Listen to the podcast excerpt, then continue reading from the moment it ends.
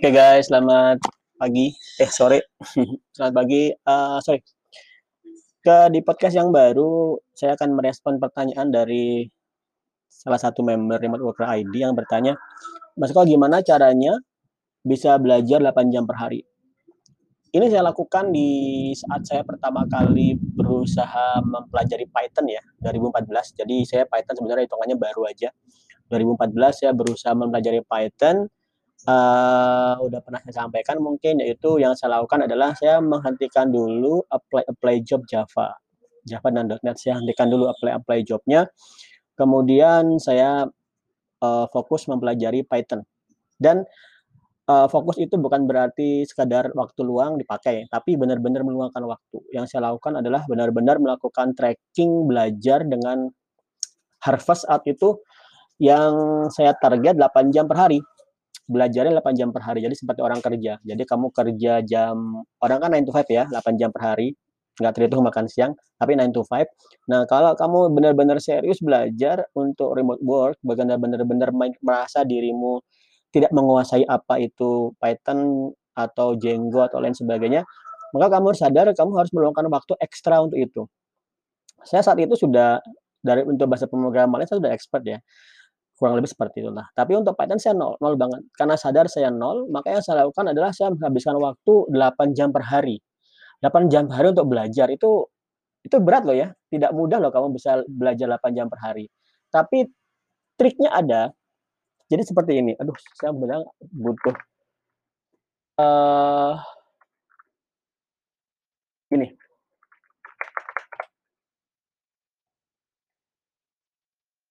Oke.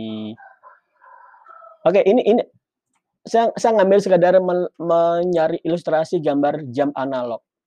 Oke, kalau kamu satu jam, uh, satu hari itu kan 24 jam ya.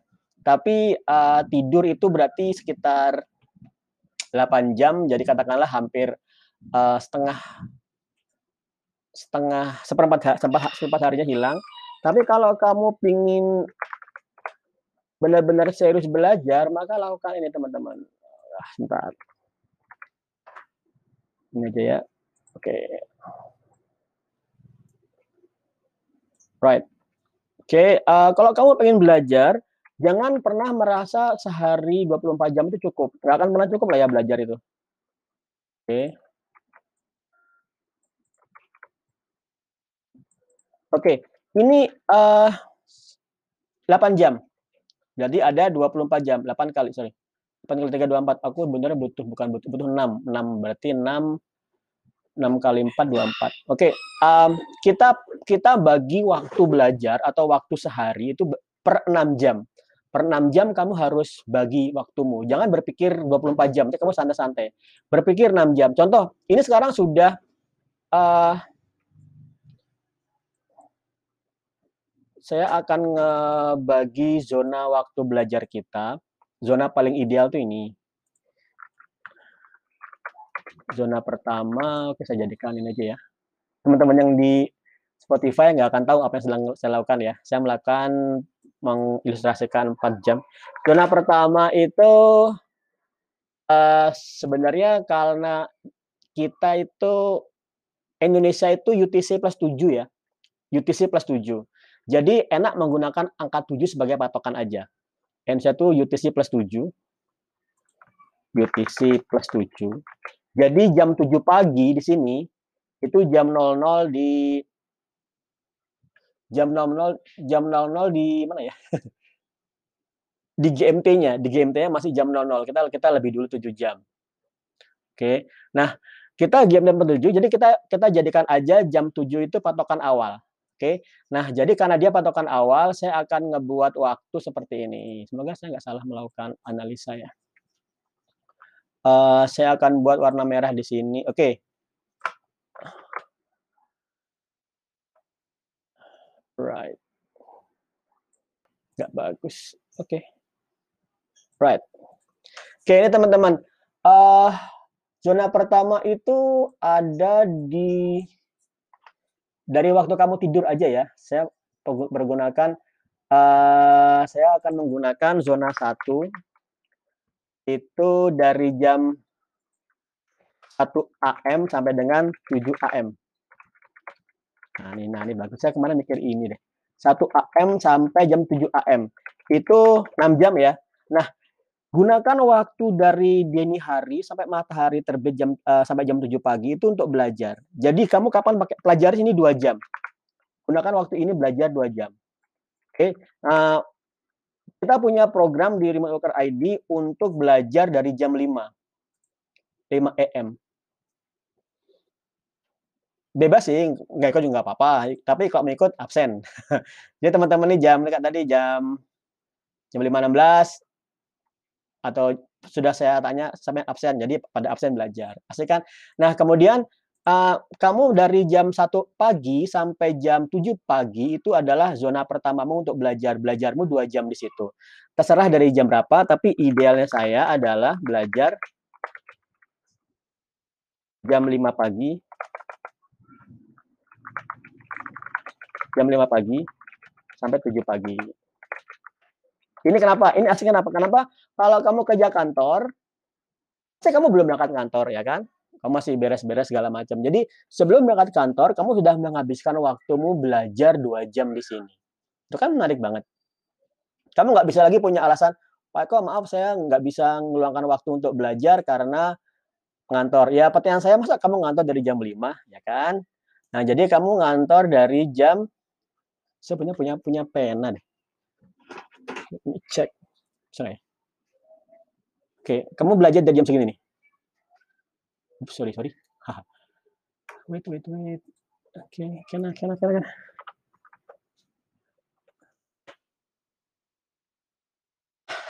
Enakan pakai mouse.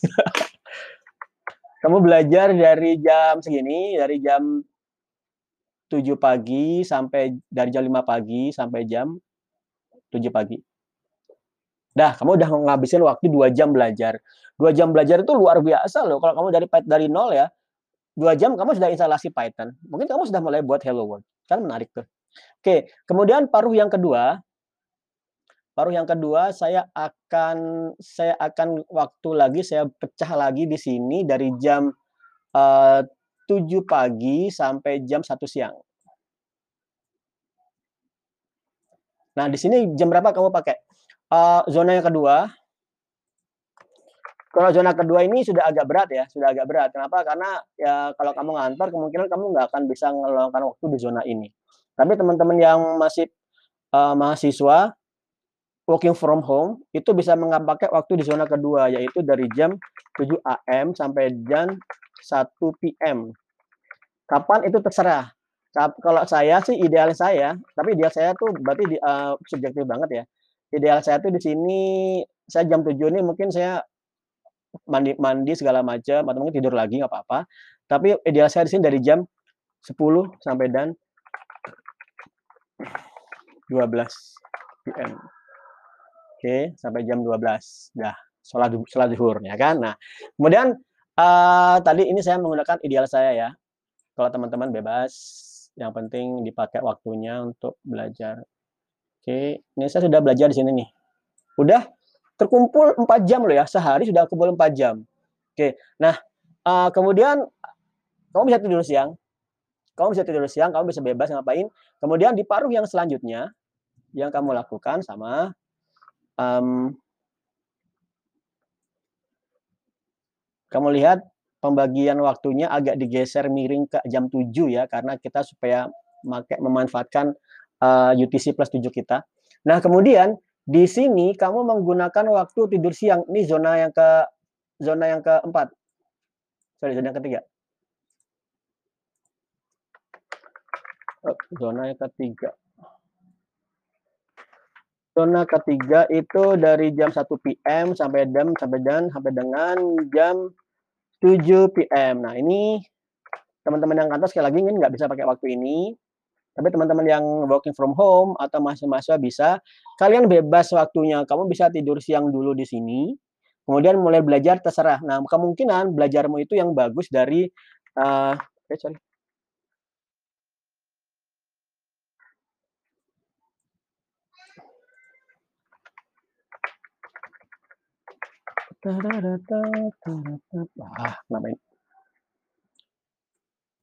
Oke, idealmu kemungkinan waktu belajarmu dari jam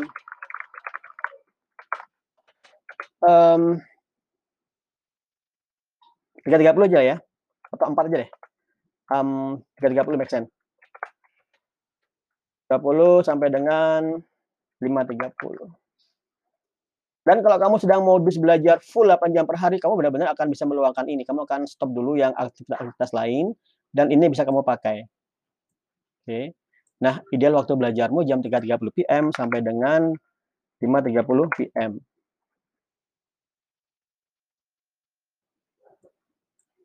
Nah, uh, in, inti dari inti dari waktu ini teman-teman adalah kamu tidak akan merasa santai-santai lagi. Kenapa? Karena kamu sudah membagi-bagi jammu bukan hanya bukan 24 jam lagi, tapi 6 jam. Jadi jangan bayangkan waktu hidupmu sehari itu lama.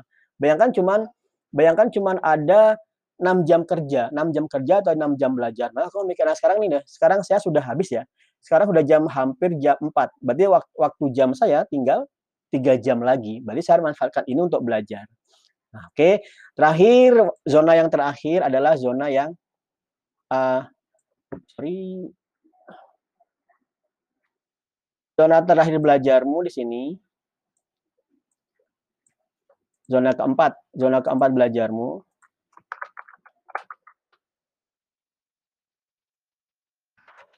Zona keempat belajarmu itu Thank you Mas Fauzi. Zona keempat belajarmu dari jam 7 PM sampai jam 1 AM. Nah, ini ide waktu belajar, monggo. Kalau kemungkinan saya sih lebih suka habis sholat isya ya mungkin jam 8 8 PM sampai 10 PM. Udah kamu udah belajar 8 jam per hari tuh kalau udah benar-benar melakukan ini. Oke. Okay. Uh, right.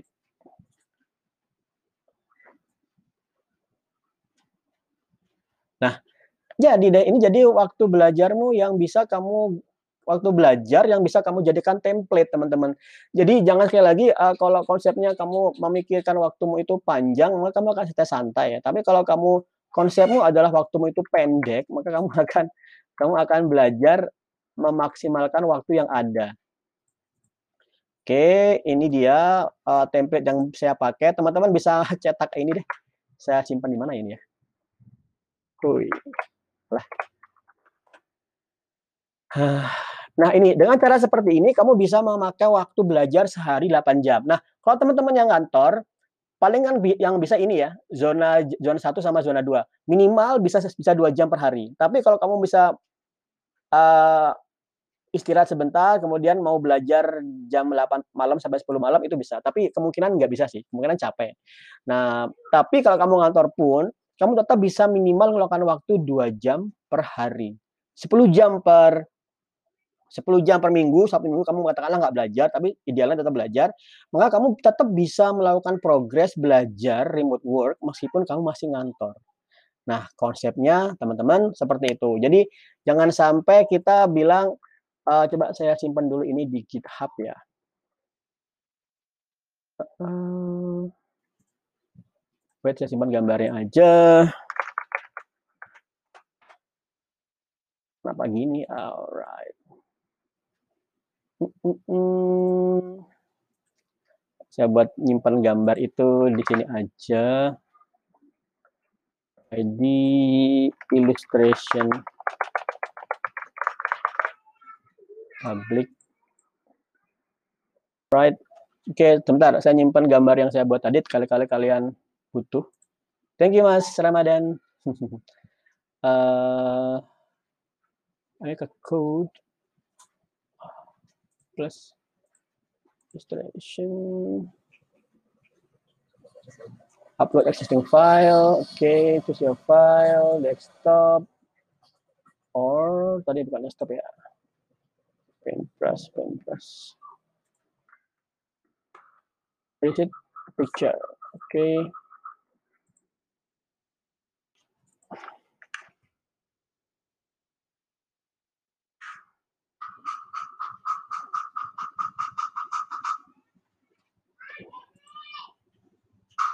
Thank you Mas Ali Mukhtar. Oke. Okay. bagi waktu menjadi per 6 jam. Bagi satu hari,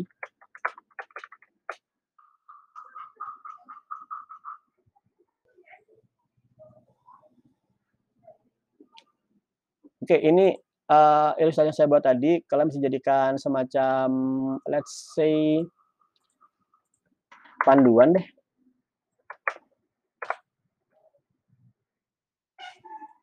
Oke, jadikan itu panduan. Uh, jadikan itu panduan dan uh, kamu harus bisa benar-benar memanfaatkan waktumu yang mepet. Kalau teman-teman yang uh, nggak yang working from home atau yang mahasiswa gampang ya mencari waktu luang. Tapi karena gampang kan jadi, jadi bisa santai-santai. Teman-teman yang 9 to 5 hati-hati. Kemungkinan kalian cuma bisa belajar minimal itu dua jam per hari. Hebat kalau bisa 4 jam per hari. Nah, itu masalah itu masalah timing, timing belajar. Tapi yang kedua itu masalah motivasi. Kadang-kadang motivasi itu nggak bisa dipaksa ya. Sorry, kadang-kadang motivasi itu nggak bisa dimunculkan begitu aja. Kamu harus maksa. Cara maksanya sebenarnya gampang aja sih. Uh, kalau kamu di remote worker ID, kamu online aja dan jam 5 pagi laporan aja deh lagi ngapain. Jadi teman-teman tahu ada teman-teman belajar jam 5 pagi itu asik. Nah, paksa aja awal-awal capek, awal-awal mungkin ngantuk, tapi lama-lama kamu akan senang. Cara kamu senang ya dibuat aja senang. Mungkin jam, jam 5 pagi kamu nyiapin dulu teh, nyiapin dulu uh, minuman, kemudian mulai belajar hal-hal yang uh, santai dulu. Semakin lama semakin panas kamu akan bisa nikmati.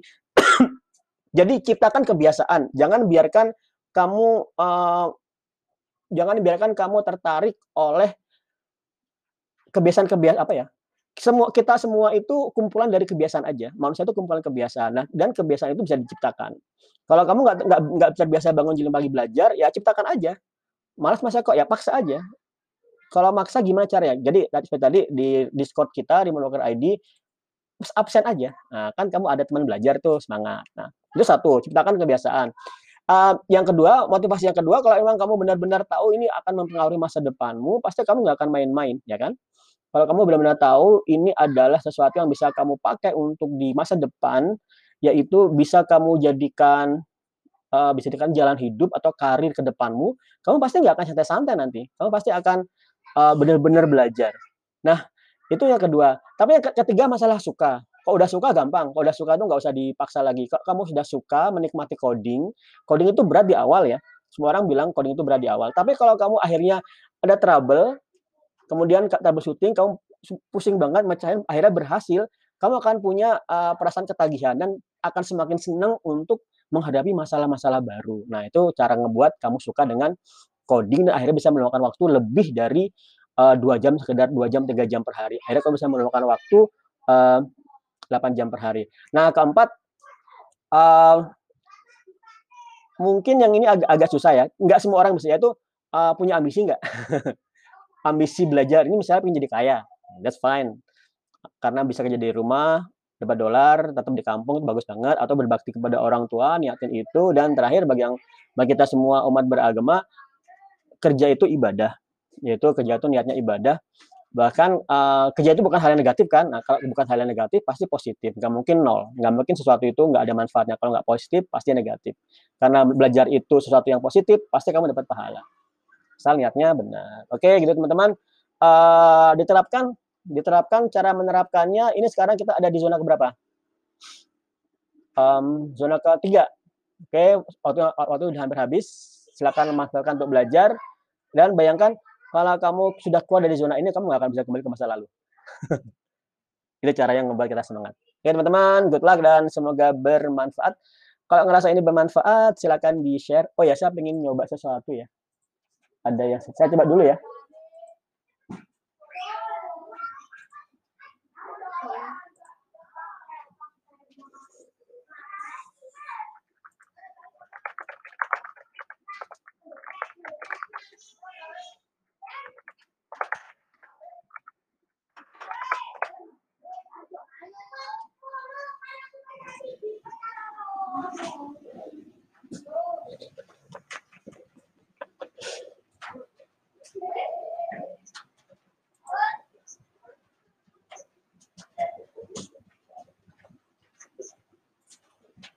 Oke teman-teman, terima kasih sudah menyimak sampai 30 30 detik tadi.